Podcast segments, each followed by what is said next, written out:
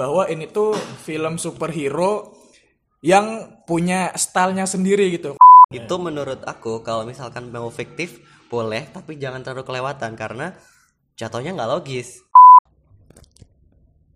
Ini adalah podcast resah episode keempat. Who am I? I'm your hero.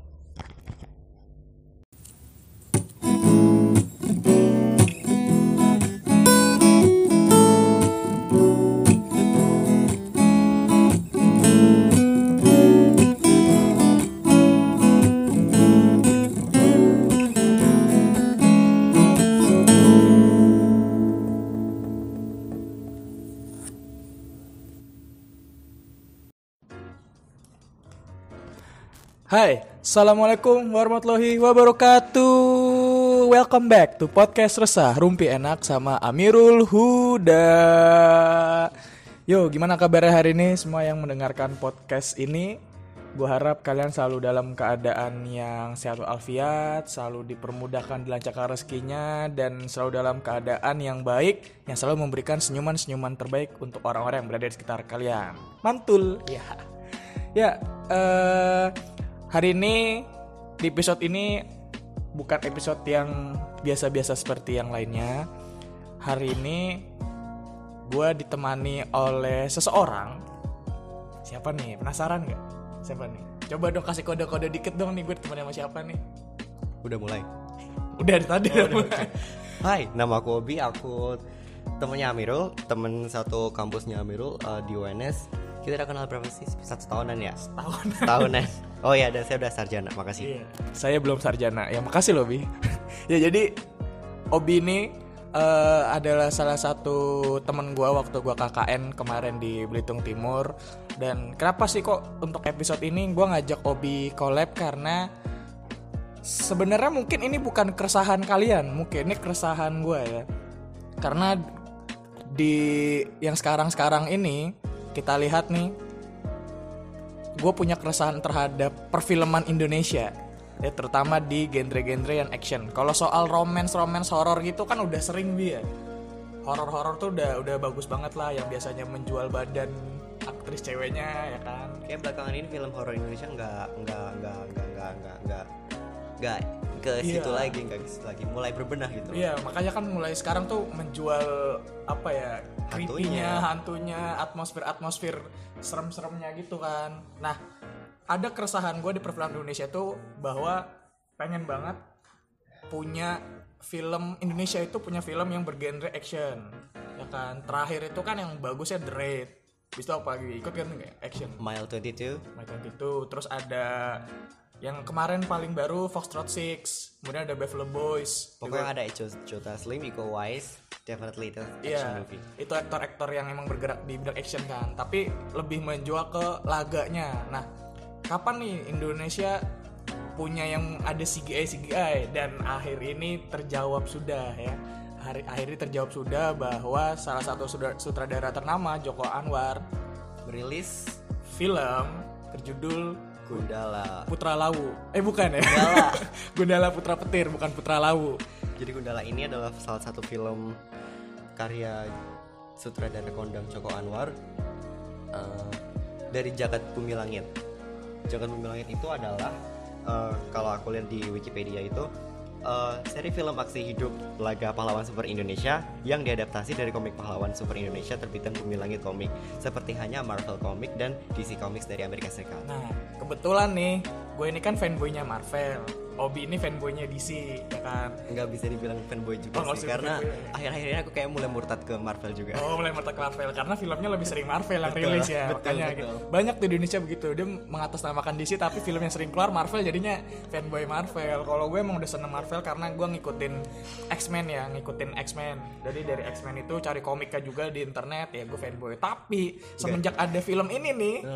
Mendeklarasikan sekarang nih gue mendeklarasikan ke kalian bahwa gue adalah fanboy garis keras bumi langit. Itu kalau membuka membuka perspektif baru gitu. perspektif baru dan seru banget seru banget kalau kita lihat dari pahlawan-pahlawannya aja bi ya Ya kan Jadi kalau kita lihat pahlawan-pahlawannya itu eh, ada Gundala, Tira, Bidadari Mata Elang, Merpati, Camar, Godam, Sri Asih, Aquanus, Aquanus Dewi Api Virgo Mustika dan lain-lain dan lain-lain itu yang itu yang difilmkan yang ada di film Soon to be soon film. ya di filmnya yang udah di apa namanya diinformasikan juga oleh Joko Anwar siapa aja pemeran-pemerannya sampai Oh ya dan pemerannya tuh gak nggak Iya, nggak nggak- yang asal-asal iya, ecek-ecek gitu. ecek-ecek gitu, Joko bener. Anwar bisa banget pilih pemeran yang bener-bener lagi up di Indonesia. ah iya bener banget Kayak Abimana, Chelsea Islan, Chelsea Islan Pevita Pierce, Pevita Pierce wah itu the best sih sama Nicholas Saputra. Nicholas Saputra Nicholas Saputra Dian Sastro ini ada apa dengan air dan api? Iya, jangan-jangan apakah mereka partner atau mereka musuhan? Apa jangan-jangan mereka flashback ADC di situ? Wah, Terus ada Chelsea Islan sama Pevita Pierce ini sebelum superhero menjemput atau gimana ini? superhero menjemput. ada Chico Jericho. Chico Jericho, benar. Ada Zara JKT48 yang lagi naik daun dengan film-filmnya sebelumnya yang bagus banget menurut gue actingnya di situ. ada beberapa nama-nama lama yang baru ke ups kayak Hana Al Rashid, terus Daniel Adnan, Asmara Abigail dan lain-lain.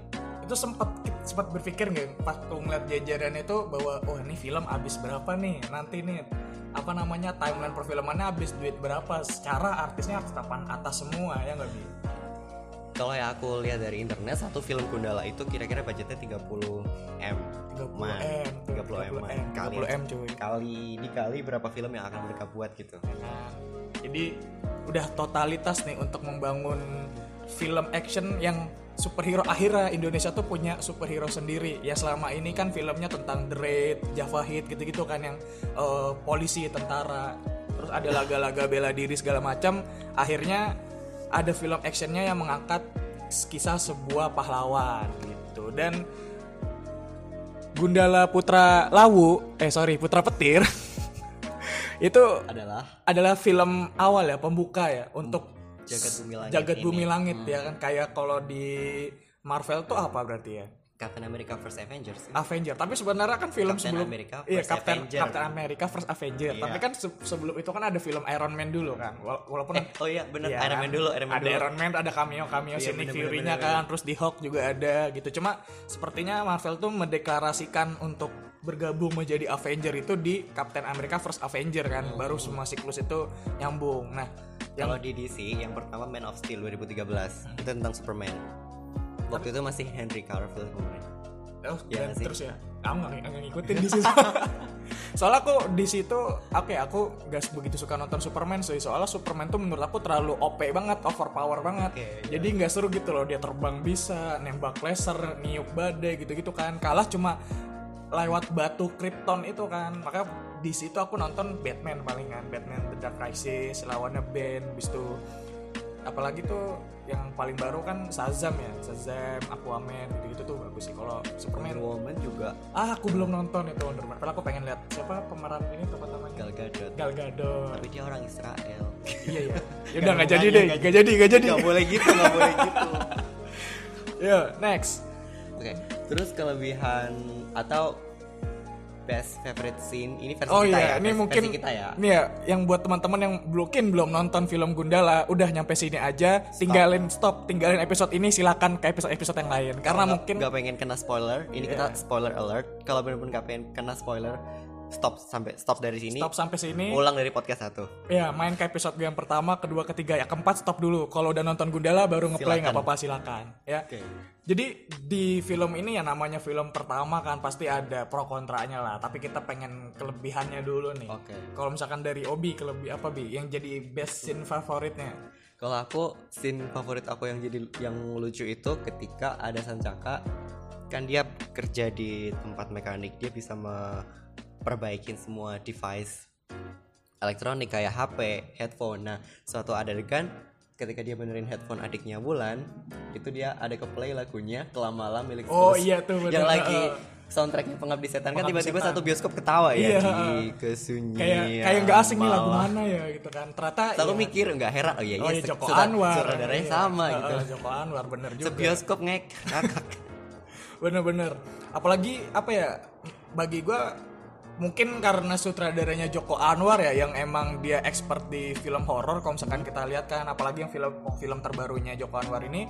Jadi Gundala ini tuh ada banyak scene-scene agak-agak creepy-creepy horor gitu nggak sih ya kan? Dark. dark banget gitu kan dark banget. Jadi beda ya kalau misalkan kita nonton mungkin apa karena kiblatnya dulu DC untuk pembuat komiknya atau apa kan beda. Kalau Marvel sama DC kan DC lebih pasti dark gitu kan backgroundnya ada kan. Jokes jokesnya pun juga nggak dapat kan kalau Garing. garing banget ya. Kalau di Marvel tuh dia lebih agak eh, mungkin karena kerjasama sama Disney juga mungkin kan jadi untuk semua umur jadi nggak begitu dark. Ya kalau misalkan di gue sih best favorite scene itu waktu Sancaka belajar silat sama Awang ya. Itu tuh gimana ya kita tuh nggak dimanjain mata dengan pemandangan-pemandangan alam tapi itu pemandangan kota seperti itu tuh bagi gue udah manjain mata banget apalagi ngeliat mereka latihan silat di atas kereta habis itu di kereta itu tuh kalau misalkan teman-teman nonton Golden Crown Warrior tuh ya kayak gitu sih bagus banget sih menurut gue sebenarnya masih banyak lagi bi ya Nah, terus oh ya sama scene yang mereka terus menerus membicarakan tentang Tenggara. Oh, Tenggara, iya. Tenggara, Tenggara. Tenggara, Itu aku mikir Bekasi. Iya bener bener. Itu Bekasi bi bener. mikir Bekasi. karena ini kan di Jakarta ya kan? Di Jakarta tenggaranya Jakarta tuh Bekasi ya kan? Apalagi kalau misalkan lihat berita Bekasi itu kan mau jadi apa? Jakarta Tenggara kan? Emang makanya itu Bekasi itu aman sebenarnya. Nih gue mau mengklarifikasi buat kalian yang sering baca berita ya kan? Bahwa Bekasi itu Bekasi itu aman walaupun penduduknya barbar. Gue akuin penduduk Bekasi itu barbar ya kan? Yang servis AC dibakar lah ada orang mau begal malah begal yang mati. Bayi bayi dilempar ke dinding sampai meninggal. Itu tuh itu orang Bekasi Bekasi semua tuh yang begitu pedofil atau apa. Tapi ternyata dibuktikan oleh Bapak Joko Anwar ya. Terima kasih bahwa Bekasi itu aman ya enggak jadi derajat kamu terangkat gitu ya. Iyalah, Tenggara. Semua mau mau ke Tenggara. Tenggara, Gun- Tenggara iya, gitu loh. Tenggara, Tenggara. Naik Bekasi, kereta, Bekasi. Naik, naik kereta seminggu sekali, eh sebulan sekali. Iya, sebulan kali. Tenggara. Ya kan kalau denger lagunya Yonglek yang dulu tuh Bekasi kan jauh kayak gitu. Makanya harus naik kereta sebulan sekali. Ada lagi nggak nih? Apa? Uh, favorite skinnya? Oh ya, dan menurut gua mungkin yang mungkin yang teman-teman belum nonton atau misalkan udah nonton, menurut gua tuh yang yang jadi the best eh, apa yang menjadi value-nya di film ini tuh bahwa ini tuh film superhero yang punya stylenya sendiri gitu. Kalau misalkan lu denger di podcast gue episode berapa ya? Satu atau dua gitu kan. Kayak gue pengen tuh Indonesia itu nggak ngikutin negara-negara lain kan? Dia punya punya apa namanya stylenya sendiri. Dan menurut gue terbukti di sini. Walaupun mungkin karakternya yang agak meniru ke Marvel atau DC itu kan hanya referensi ya.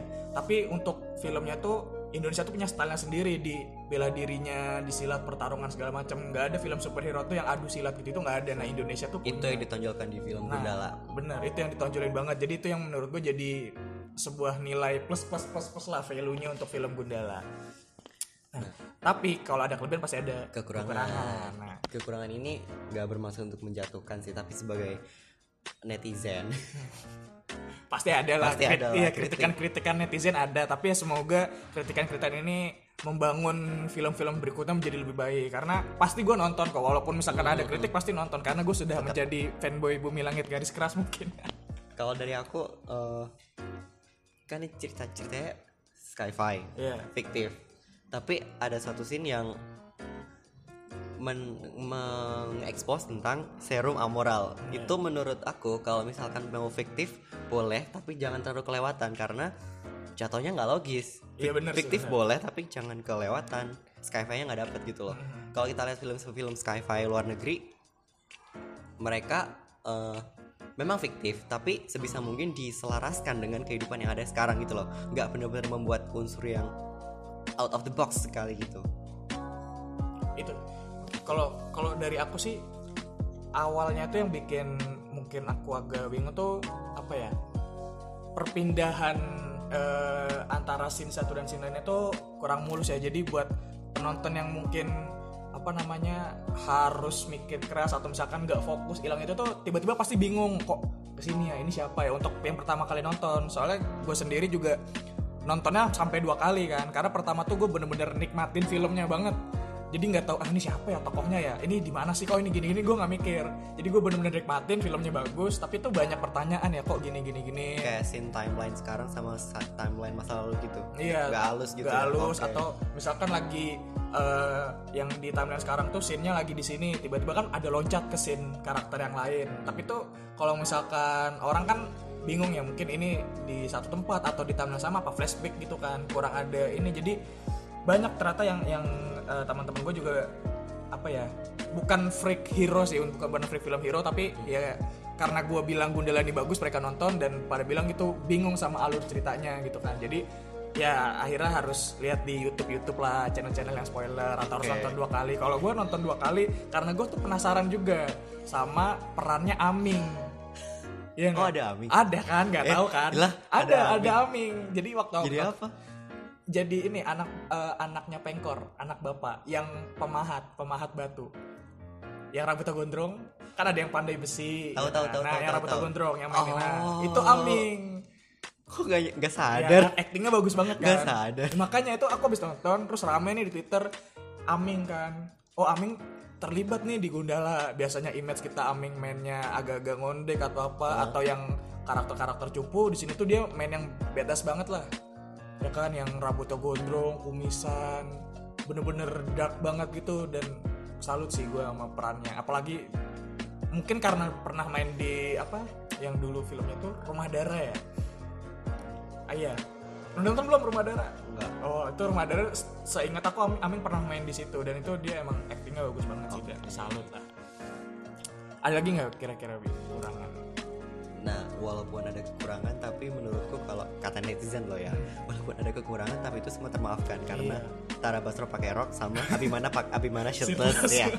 Iya sih emang. Semuanya termaafkan lihat Abimana shirtless sama Tara Basro pakai rok. Iya, Nah, gue ngeliat, sadi- ngeliat di Twitter tuh kan pada, ih pengen liat lagi nih Abimana Sirtus, Abimana. Nah, tapi gue akuin ya, apa ya, Tara Basro itu emang kalau dibandingin dengan jajak artis lain, eh cantik ada yang lebih cantik ya.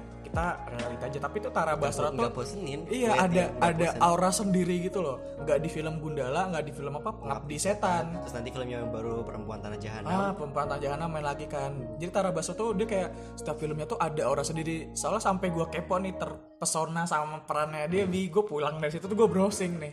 Tara Basro, serius gue browsing Tara Basro. Kan dia modeling juga kan. Tapi itu foto modelingnya tuh nggak se wah di film gitu loh. Nggak ada nggak dapat auranya gitu. Kan Jadi model diem aja pak, ini kan film ngomong. tapi Ya kan iya pasti sih. ada sih aura-auranya gitu kan pasti ada kayak gitu. Oke. Oh ya, tahu nggak ada Easter egg atau hint di film Gundala untuk film Ah, jagat bener film banget. jagat bumi langit yang lain. Jadi pasti ya kalau film-film bergenre hero tuh pasti ada Easter, Easter egg. egg-nya ya kan. Dan itu biasanya ada spoiler untuk film selanjutnya. Selanjutnya apa aja tuh Bi? Ini anak buah pengkor yang main di Gundala itu orang-orangnya kalau teman-teman sadar loh ya, Iya. eh, itu tuh mereka masuk list superhero juga di jagat bumi langit. Iya benar. Nah, itu yang yang jadi pas aku lihat loh bukannya dia jadi superhero? Loh bukannya dia jadi- bukannya dia nah itu kan. Kayak bener-bener kayak misal kayak Hana Al Rashid, Kelly Tandiono, Asmara Abigail, Daniel Adnan itu mereka diceritakan di film Gundala itu sebagai anak buah pengkor, anak buah villainnya. Nah, tapi ketika aku lihat gambar list superhero-nya mereka ada di situ. Nah, apakah kemungkinan mereka ini bakal jadi anti hero atau jadi hero lagi di film film solo mereka? kalau misalkan menurut gue sih kayaknya jadi hero sih ya. Karena waktu apa tuh namanya tuh kalau mau ini film? Gala premier. Eh gala premier kalau filmnya udah keluar ya? Kalau yang sama pemeran pemerannya itu apa namanya? Ya itulah kayak namanya tuh yang apa promosin filmnya sebelum mulai gitu kan sambil perkenalan tokoh-tokohnya. Ya sambil obi mikir ya. Jadi jadi itu emang diperkenalkan ada beberapa anaknya anak bapak anak pengkor itu diperkenalkan sebagai hero ternyata. Kalau anti hero hero. Anti hero, hero bi. Anti hero. kalau anti hero setahu Anti-hero. setahu gue ya. Iya. ya mungkin buat teman-teman yang ini kalau misalkan salah dikoreksi setahu gue kalau anti hero kan modelnya kayak Deadpool, Venom, Catwoman. Jadi dia itu independen tidak berpihak ke siapa-siapa tapi dia selalu kerja sama gitu loh. Dia punya punya idealisme dia sendiri. Jadi kadang dia ngelawan hero kadang dia ngelawan villain tapi dia nggak ada berkepihak berkepihakan. Kalau selama yang gue tontonin ya yang menjadi anti hero tuh rata-rata backgroundnya gitu kan kayak Venom, Catwoman kan. Catwoman nggak berpihak ke Batman tapi kadang-kadang bantu Batman. Kadang-kadang iseng jadi musuh. Terus Deadpool gitu-gitu sih. Kalau dari sisi aku anti hero itu eh, dia yang melawan penjahat tapi caranya salah, Salah gitu, gitu ya? Dan dia mantan penjahat juga bisa. Kayak Scarlet Witch sama Quicksilver, Silver. Maximoff bersaudara di Marvel. Mereka kan sempet nge pengen bantuin Ultron untuk menghancurkan Avengers dari dalam. Oh, tapi iya. akhirnya mereka malah jadi Avengers iya tapi itu kan Berarti- gara-gara si Quicksilvernya mati waktu itu Iya. iya Terus dari anti hero jadi hero. Apa bodo amat lah bingung. Iya, buat yang buat yang denger coba eh, bisa kirim Browsing email sendiri. iya ki- apa browsing terus ntar kirim email ke podcastresah@gmail.com atau DM ke Instagram gue @amirulhuda double a di belakang kasih tahu pengert apa anti hero kalian itu seperti apa gitu ya. Oke, next. Terus ada unsolved mystery Ya. yang banyak dipertanyakan orang-orang. Kok bisa gini? Kok bisa gitu? Itu adalah yang kok bisa sih kaca Ah, iya bener tuh. kaca Kaca. botol kaca yang dipegang Gundala yang dipegang di suatu tempat di jalanan itu bisa memecahkan botol kaca yang di tempat itu ibu-ibu hamil buat ah. suntik serum. Iya. Nah, Itu- bisa tuh. itu mungkin ini ya kok itu sebenarnya udah dijelasin di beberapa scene-scene sebelumnya ya kalau misalkan kita perhatiin tuh bahwa kan katanya Sancaka eh, gemuruh petir itu kan mengeluarkan gemuruh yang jika menyambar benda yang mempunyai frekuensi yang sama frekuensi benda itu kan akan pecah ya kalau nggak salah kayak gitu seingat gua. Yang ada scene-nya lagi apa tuh lagi apa pas dia pertama kali pengen itu petir terus si anak eh anak lagi adiknya Wulan si Teddy ngomong kok kok ngerti sih? Gitu kan. Baca makanya kayak gitu itu itu sih makanya kenapa bisa pecah dan sebenarnya ada ada Easter egg lagi bi yang Apa jadi pertanyaan gue waktu si Gazul nih salah satu villainnya Yap. di Bumi Langit itu Anak buah pengkor kan? Enggak, ternyata enggak Gazul. Iya dia eh, cuma ngekor aja, tapi dia tuh Hmm. bergerak sendiri karena kayak manfaatin pengkor karena Iya, jadi kalau misalkan Bumi Langit ini kan ngeluarin ada tuh dua komik, namanya Patriot. Nah, di situ tuh eh, dua komik ini kan kebetulan karena gue sudah menjadi fanboy garis kerasa, gue beli tuh kemarin ke Gramet melihat dari situ tuh banyak banget hero-heronya yang nggak cuma ada di film tapi keluar di komik juga dan ternyata musuh dari Patriot ini tuh ada tiga kan, si Gazul, Pengkor sama lagi bocah Atlantis. Nah gitu dan eh, kalau sesuai di komiknya ini jadi kan kalau di Bumi Langit ada dua jagat ya, jagat Jawara sama jagat Patriot. Patriot. Nah, ternyata jagat itu tuh akan bertemu nih sepertinya ya. A- Analisa gitu, ekspektasi kita tuh, teori kita tuh bahkan ketemu antara jagat Patriot sama Jawara. Dan terus apakah membantu atau Ya, itu nggak tahu. Makanya kan waktu apa eh, Gazul ini yang scene Gazul di museum sama si siapa namanya Ganda untuk ngebangkitin siapa Ki kiwi labu? kiwi lauk. Nah, di situ kan ada kaca, ya kan? Ada kaca yang kata ganda, apakah kaca ini harus saya pecahin lagi pak? Katanya si Gazul kan nggak bisa. Kamu nggak bisa mecahin hanya satu orang bisa. Nah, tiba-tiba di scene berikutnya udah pecah nih kaca nih. Siapa yang mecahin? Ya kan karena si ganda pun nggak akan bisa, Gazul pun nggak akan bisa. Dan menurut gua, Yang dan menurut teman-teman yang mecahin itu adalah Gundala. Di saat bersamaan dengan dia memecahkan botol Ah, itu dia. Di saat, iya, di saat dia memecahkan botol kaca itu yang karena punya frekuensi yang sama. Mungkin, Mungkin, iya ya. atau mungkin karena ter ya itu kekuatan Gundala gitu loh. Kena Ah, kekuatan. Gundala langsung pecah gitu. Karena kalau misalkan frekuensi botol kaca sama sama sama botol kaca berarti kacanya murahan dong. Oh iya, Iya benar, kan? iya, benar, iya, benar. mikirku Iya, gitu benar, sih. makanya. Iya juga ya. ya kan habis itu makanya darahnya pun kan ditetesin darahnya darah Gundala tuh biar ngebuka penjara kepalanya itu. Hmm, ya kan ditetesin darahnya Gundala. Itu salah satu Easter egg-nya sih. Ada lagi nggak? Ini. Bukan mau compare sama film-film luar negeri ya, tapi ah. gimana? pasti ya. Berarti netizen Indonesia membandingkan lah secara nggak langsung Iya, nggak mungkin keinget, gitu. Keinget, jadi keinget uh, akan film superhero yang terkenal yaitu DC dan Marvel. Nah jadi kalau aku lihat di film Gundala, kalau kita lihat film Gundala ini unsur DC Comics sama Marvel itu ternyata masuk di film ini. Masuk banget Jadi kita nggak- kita nggak tahu nih mau berkiblat di DC atau Marvel karena dua-duanya masuk bisa masuk gitu loh. Gimana menurut? Kalau menurutku sih mungkin eh, di ini ya dari kalau misalkan kita ngeliat komik-komik superhero yang klasiknya yang gue nggak baca sih komik-komik klasiknya karena eh, gambar-gambar sketsanya tuh gue nggak begitu suka kayak majalah Hidayah kayak buku Hidayah iya. Sketsa-sketsa tuh kayak buku Hidayah gue ngikutinnya Serem dong. iya emang emang serem banget kalau misalkan ngeliat-ngeliat di webnya tuh Bumi Langit itu kan dia masih sketsa-sketsa kasar gitu kan. Iya, itu menurut gue juga hero nya tuh lebih dibentuknya tuh mengarah ke DC mungkin kiblatnya. Soalnya emang DC dan Marvel pun duluan DC kan kalau Iya, betul. kan? Duluan DC yang rilis baru Marvel.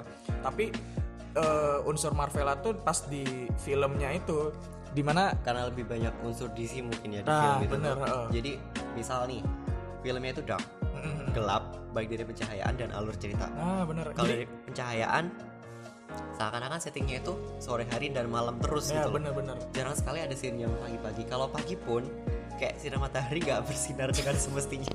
jadi kayak Masih redup, gelap iya, gitu loh, gelap mendung gitu-gitu Nah, alur ceritanya, ceritanya juga gelap. Misalkan nih Sancaka harus ditinggal mati sang ayah masih kecil. Oh. Terus Sanjaka harus hidup sendiri Hidup luntang sendiri. untung jadi Itu serem banget sih, pengamen. Oh. itu dark west ukuran anak ya kan kalau misalkan sering ngedit di Lightroom kan itu lebih ke warna merah-merah gitu tuh kalau sering ngedit Lightroom. Dan eh, apa penggambaran kota Jakartanya tuh kayak Gotham City. Ya bener banget. Darknya tuh kayak dapat banget kayak Gotham, Gotham City bener. penuh penuh kriminal gelap kriminalitas gitu. kotor. Itu mungkin sindiran sosial juga kali. Iya. Jadi ada scene yang orang kaya nih di apartemen bagus. Sisi lain ada yang pinggiran kota Iya, rakyat, jelata gitu. Bener-bener dan yang gue takutin sebenarnya gue nonton film pertama tuh takut karena keadaan yang dibikin oleh Joko Anwar itu loh atmosfernya.